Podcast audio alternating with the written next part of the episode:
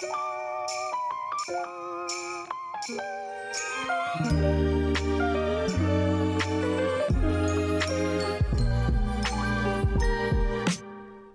bij Rumbo Norte, de podcast die je wegwijs maakt als je het noorden wat kwijt bent en je begeleidt in je innerlijke reis naar persoonlijke groei.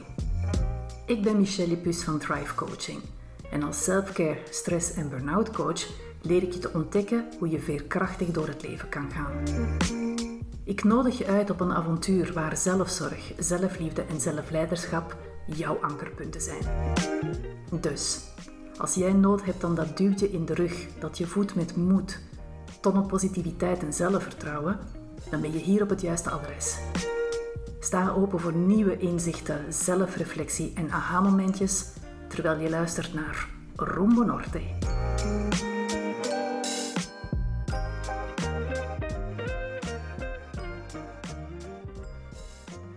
Hallo lieve luisteraar en welkom bij de allereerste aflevering van Rumbo Norte. Ik geef toe, dit is heel spannend. Het is een heel nieuw avontuur, het opstarten van een podcast en elk begin is wel een beetje een uitdaging. Als ik de perfectionist in mij had laten doen, dan had het waarschijnlijk nog heel lang geduurd alvorens de eerste aflevering echt klaar zou zijn. Maar deze keer heb ik mezelf uitgenodigd om, om er toch voor te gaan, ook al loopt het niet altijd even vlotjes. Ik heb wat notities bij me liggen, enkele punten die ik graag met jou wil delen. En ik bedank je nu al om mij wat credit te geven. Het is een beetje wennen, maar blijf zeker luisteren tot het einde. Het komt echt goed.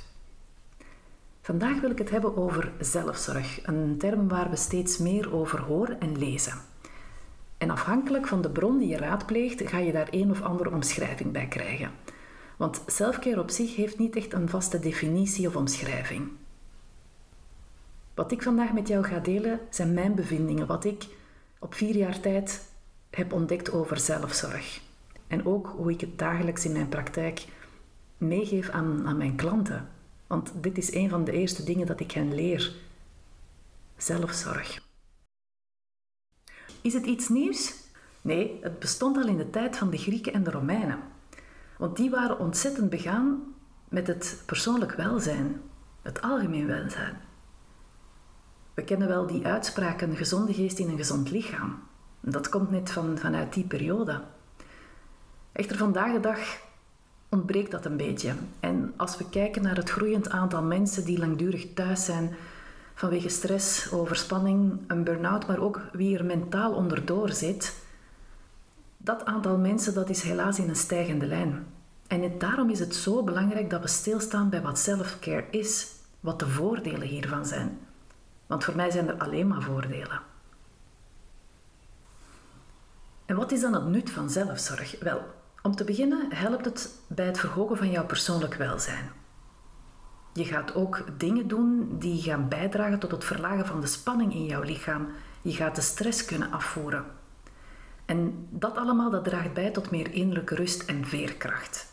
En het houdt ook een beetje een stukje in werken aan jezelf. Nu, omdat er nog niet heel veel laten we zeggen, informatie of duidelijkheid is rond wat zelfzorg juist is, zijn er ook heel veel misvattingen bij zelfzorg. Een van de zaken die ik heel vaak hoor is dit: het vraagt veel tijd.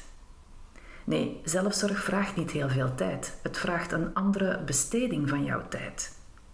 Hoe kies jij vanaf vandaag om met jouw tijd om te gaan? Maar zo kan je bijvoorbeeld ook kiezen om s'morgens een kwartiertje vroeger op te staan.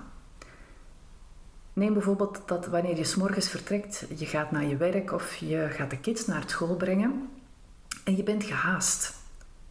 Dan kan je je afvragen, hoe komt het dat ik gehaast ben? Misschien kan het gewoon helpen om een kwartiertje vroeger op te staan, zodanig dat je jezelf wat meer ruimte geeft en minder druk is in die ochtendroutine van jou en je op een ontspannen manier de deur uit kan gaan. En wat is een kwartier? Geef toe, een kwartier is niet heel veel tijd.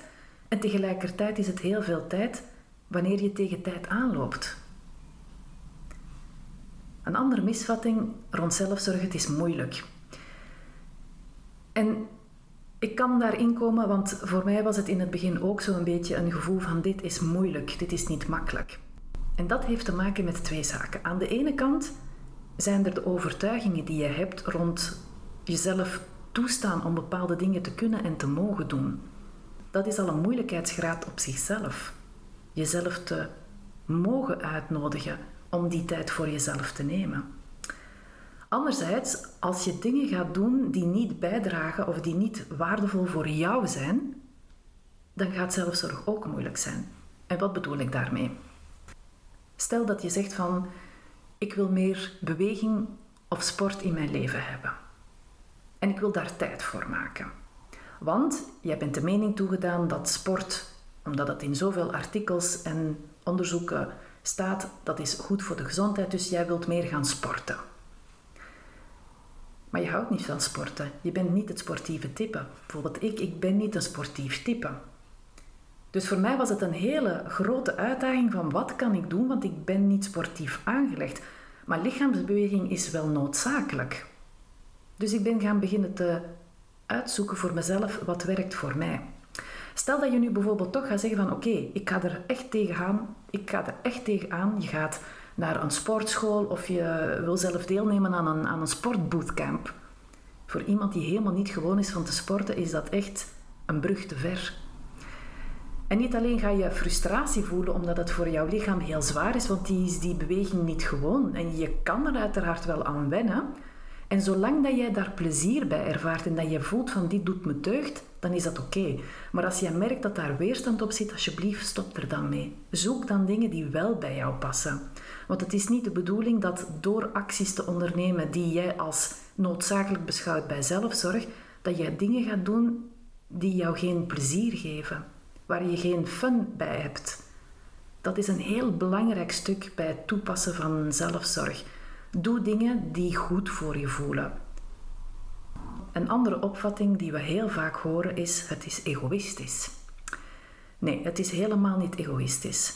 Jouw eigen welzijn voorop zetten is noodzakelijk. En op dit kader ga ik met jou een metafoor delen: het zuurstofmasker. Als je al eens een vlucht hebt genomen, dan weet je dat voor het vertrek van het vliegtuig het cabinepersoneel een aantal instructies geeft in geval van nood. En één daarvan is bij het verlies van druk in de cabine, dan komen de zuurstofmaskers naar beneden. En wat zeggen ze dan? Inderdaad, je gaat eerst het zuurstofmasker bij jezelf aanbrengen en dan pas bij anderen. En jaren heb ik gedacht van hoe egoïstisch is dat?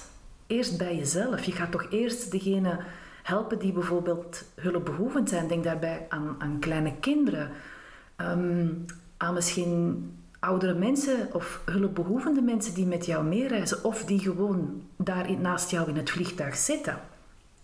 Maar dit is waarom het belangrijk is dat je het eerst bij jezelf doet. Wanneer je in een stresssituatie komt, en zo'n situatie wanneer een zuurstofmasker plots naar beneden komt, de eerste reactie dat is paniek. Van wow, wat gebeurt er hier? En jouw lichaam die gaat op dat moment stresshormonen aanmaken. En die stresshormonen die gaan ervoor zorgen dat jij dingen kan doen die noodzakelijk zijn om te kunnen overleven. Jij gaat schakelen en je gaat zaken kunnen doen die je niet voor mogelijk hield. Dat zie je heel vaak bij verkeersongevallen of bij zaken die mensen als levensbedreigend beschouwen. Dat ze soms de kracht hebben om dingen te doen dat je zegt van ik weet niet waar ik die kracht vandaan kon halen. Wel, die kracht die krijg je van de stresshormonen die jouw lichaam op dat moment aanmaken. En dat is net hetzelfde in zo'n situatie. Dat zuurstofmasker, als jij dat onmiddellijk bij jezelf aanbrengt, dan ga je er ook voor zorgen dat jij voldoende zuurstof naar je hersenen krijgt, waardoor dat je ook veel beter gaat kunnen reageren op de situatie die zich op dat moment voordoet. En daarom is het belangrijk dat jij eerst zelf jouw zuurstofmasker aandoet. Niet vanuit egoïsme, maar juist om er ook voor anderen te kunnen zijn.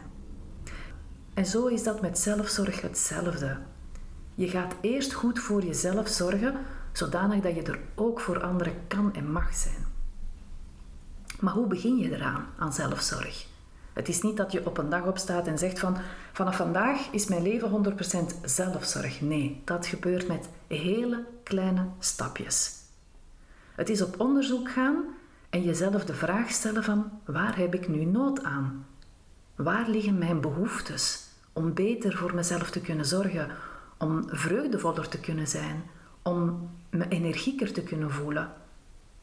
En dat gaat niet alleen om jouw lichaam, dat gaat ook over jouw mindset. Met welke gedachten wil jij door het leven gaan? Heb je misschien nood aan een meer positieve mindset? Zou kunnen. Het gaat ook over de zingeving in jouw leven. Waar zit jouw doel? Waar zit jouw purpose? Stel dat je een leven hebt waar iets in ontbreekt, dat je zegt van ik mis dat stukje zingeving. Wel, ga dan op zoek.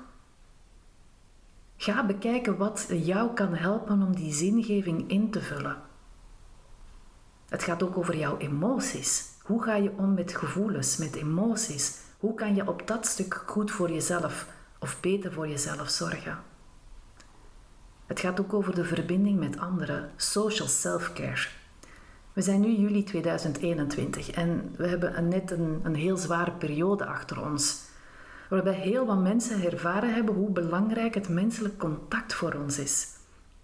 Maar ook het belang van een netwerk te hebben waarop je kan terugvallen als het leven niet meezit. Dat is social self-care. Een netwerk van contacten dat je voedt in je hart en je ziel. Dus ja, zelfzorg is veel meer dan alleen maar jouw lichaam. En voor wie is zelfzorg dan? Is het dan alleen maar voor één specifieke groep van mensen? Nee, zelfzorg is voor iedereen. Voor jong, voor oud, voor mannen, voor vrouwen. We doen sowieso al heel wat dingen die bijdragen. Misschien niet heel bewust. Bij zelfzorg, als je dat een prioriteit in jouw leven gaat maken, dan ga je er meer bij stilstaan. Dan ga je weten van oké, ik voel nu dit in mijn lichaam of ik ervaar dit. En ik kies er nu voor om dat ding te doen of hier anders mee te leren omgaan. Zo heb ik enkele jaren geleden een boek gekocht van een, een jonge Amerikaanse studente. En zij had een boekje gemaakt, 101 zelfzorgtips voor uh, studenten. En dat heeft ze ook geschreven vanuit haar eigen ervaring en beleving als college student, uh, waar je ver van huis bent en waar er uiteindelijk um, heel veel zaken zijn waar je niet mee rekening te houden. En ook de druk die jongeren al ervaren vanuit de studieperiode. Dat moeten presteren, die drang. De lat ligt daar heel hoog en het is een bijzondere evenwichtsoefening om te zien van hoe kan je ervoor zorgen dat jij goed presteert zonder dat je er onderdoor raakt. En ik moet eerlijk toegeven, ik was heel aangenaam verrast als ik die tips lag. Sommige tips kon ik niet onmiddellijk plaatsen, omdat het ook een beetje eigen is aan de Amerikaanse maatschappij. Maar er waren echt heel waardevolle tips bij. En uh, op een gegeven moment zegt mijn nichtje, die is nu 20 jaar en is zelf ook nog student aan de hogeschool. Ze vertelde mij dat ze wat last had om, om te slapen. En ik heb tegen haar gezegd van kijk, ik heb hier een hele leuke tip voor jou die uit dat boekje komt, 101 zelfzorg uh, tips voor studenten. En ze is ermee aan de slag gegaan en een tijdje daarna liet ze me weten dat dat echt werkt. En dat ze zelf verbaasd was dat het werkte. Dus ja, het is echt voor jong en voor oud. Voor mij heeft zelfzorg alleen maar voordelen. Ik zal ze nog eens eventjes voor jou herhalen. Het helpt jou om het verlagen van jouw stresslevels. Heel belangrijk. Hierdoor ga je ook een kwalitatievere nachtrust hebben, waardoor je ochtends meer uitgerust wakker kan worden. Het helpt jou bij jouw immuniteitssysteem. Die krijgt een boost net omdat jouw stresslevels, net omdat jouw stresslevels lager liggen. Het gaat jou ook helpen om productiever jouw dag door te brengen, want je gaat weten wat te doen op de momenten dat jij voelt dat je een diepje hebt. Jij gaat weten wat jou op dat moment kan helpen. Nog een heel belangrijke, je gaat meer levensvreugde ervaren. Je gaat ook leren genieten van alledaagse dingen zoals een, een mooie zonsopgang of zonsondergang. Dat gevoel van vreugde, van blijdschap, van, van oh, wat prachtig. Dat doet zoveel voor jou. We staan er niet bij stil, maar dat is echt een heel belangrijk deel voor jouw persoonlijk welzijn. Het helpt jou met de shift van jouw mindset. Je leert positiever naar de dingen te kijken. Je ontwikkelt vaardigheden. Vaardigheden die zo belangrijk voor je zijn. Denk bijvoorbeeld aan het leren aangeven van jouw grenzen. Van nee te durven zeggen, zonder dat je je schuldig voelt. Het gaat jou helpen om beter te kunnen omgaan met de dingen waar je geen controle over hebt. Het gaat jou ook leren om bepaalde zaken te kunnen loslaten. En dat is niet alleen materieel, dat kunnen ook omstandigheden zijn. Van die te leren loslaten. En vind je het moeilijk om los te laten? Misschien helpt jou dit.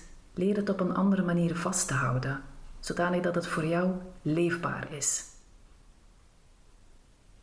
Jouw belemmerende overtuigingen. De ja maar, ik kan dit niet, ik ben niet goed genoeg, al die overtuigingen die jij jezelf eigen hebt gemaakt, dat kan je ook leren om die op een constructieve manier in vraag te stellen. Is dit wel de waarheid? En wie zegt dat? En waar komt dat eigenlijk vandaan? Dat is dat stukje waar zelfzorg ook een deel is waar je aan jezelf gaat werken. En voor mij het allerbelangrijkste voordeel van zelfzorg, het is het mooiste geschenk dat je jezelf kan geven. Jezelf dat geschenk geven is ook een geschenk geven aan anderen. Brianna Wiest is een Amerikaanse dichter en schrijfster en zij omschrijft het perfect in deze quote. True self-care is not salt baths and chocolate cake. It is making the choice to build a life you don't need to escape from. Vertaald naar het Nederlands, echte zelfzorg gaat niet over badzout en chocoladecake. Het gaat over het maken van keuzes en een leven op te bouwen waar je minder de nood aan hebt om van te willen ontsnappen. Want dit is hetgeen dat helaas vandaag de dag heel vaak gebeurt. Mensen leven van vakantie naar vakantie, omdat die vakantie voor hen op dat moment een beetje dat moment is jouw escape, waarin je jezelf de tijd geeft om je batterijen op te laden.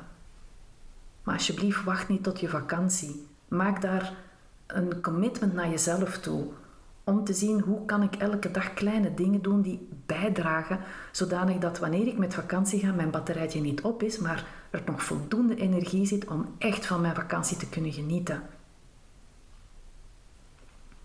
Ben je nog op zoek naar tips of meer info rond zelfzorg? Op mijn website Strive Coaching vind je ontzettend veel content en leuke gratis downloads. Je hebt daar een aparte rubriek selfcare en je hebt ook de blogs waar je echt tonnen informatie in gaat terugvinden. Om deze aflevering af te ronden heb ik nog een vraag voor jou. Wat kan jij vandaag doen om goed of beter voor jezelf te zorgen? Ik laat jou hier rustig over nadenken. En graag tot een volgende aflevering.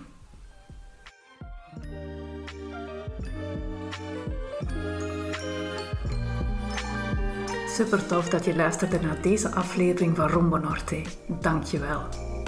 Werd je geïnspireerd door deze aflevering? Of ken je iemand die ook interesse heeft in persoonlijke ontwikkeling op een down-to-earth manier? Delen mag altijd. Laat een beoordeling of review achter op de app waarmee je naar deze podcast luistert, bijvoorbeeld iTunes. Het achterlaten van een review is heel eenvoudig. Scroll naar beoordeling en recensie en laat een beoordeling achter of vertel anderen waarom jij deze podcast leuk vindt. Zo maak je het mogelijk dat anderen de weg naar deze podcast ook zullen vinden. En wil je graag weten wanneer er een nieuwe aflevering van Rombo Norte beschikbaar is? Dan kan je je ook abonneren op deze podcast. Ik wens je nog een fantastische dag en graag tot de volgende aflevering.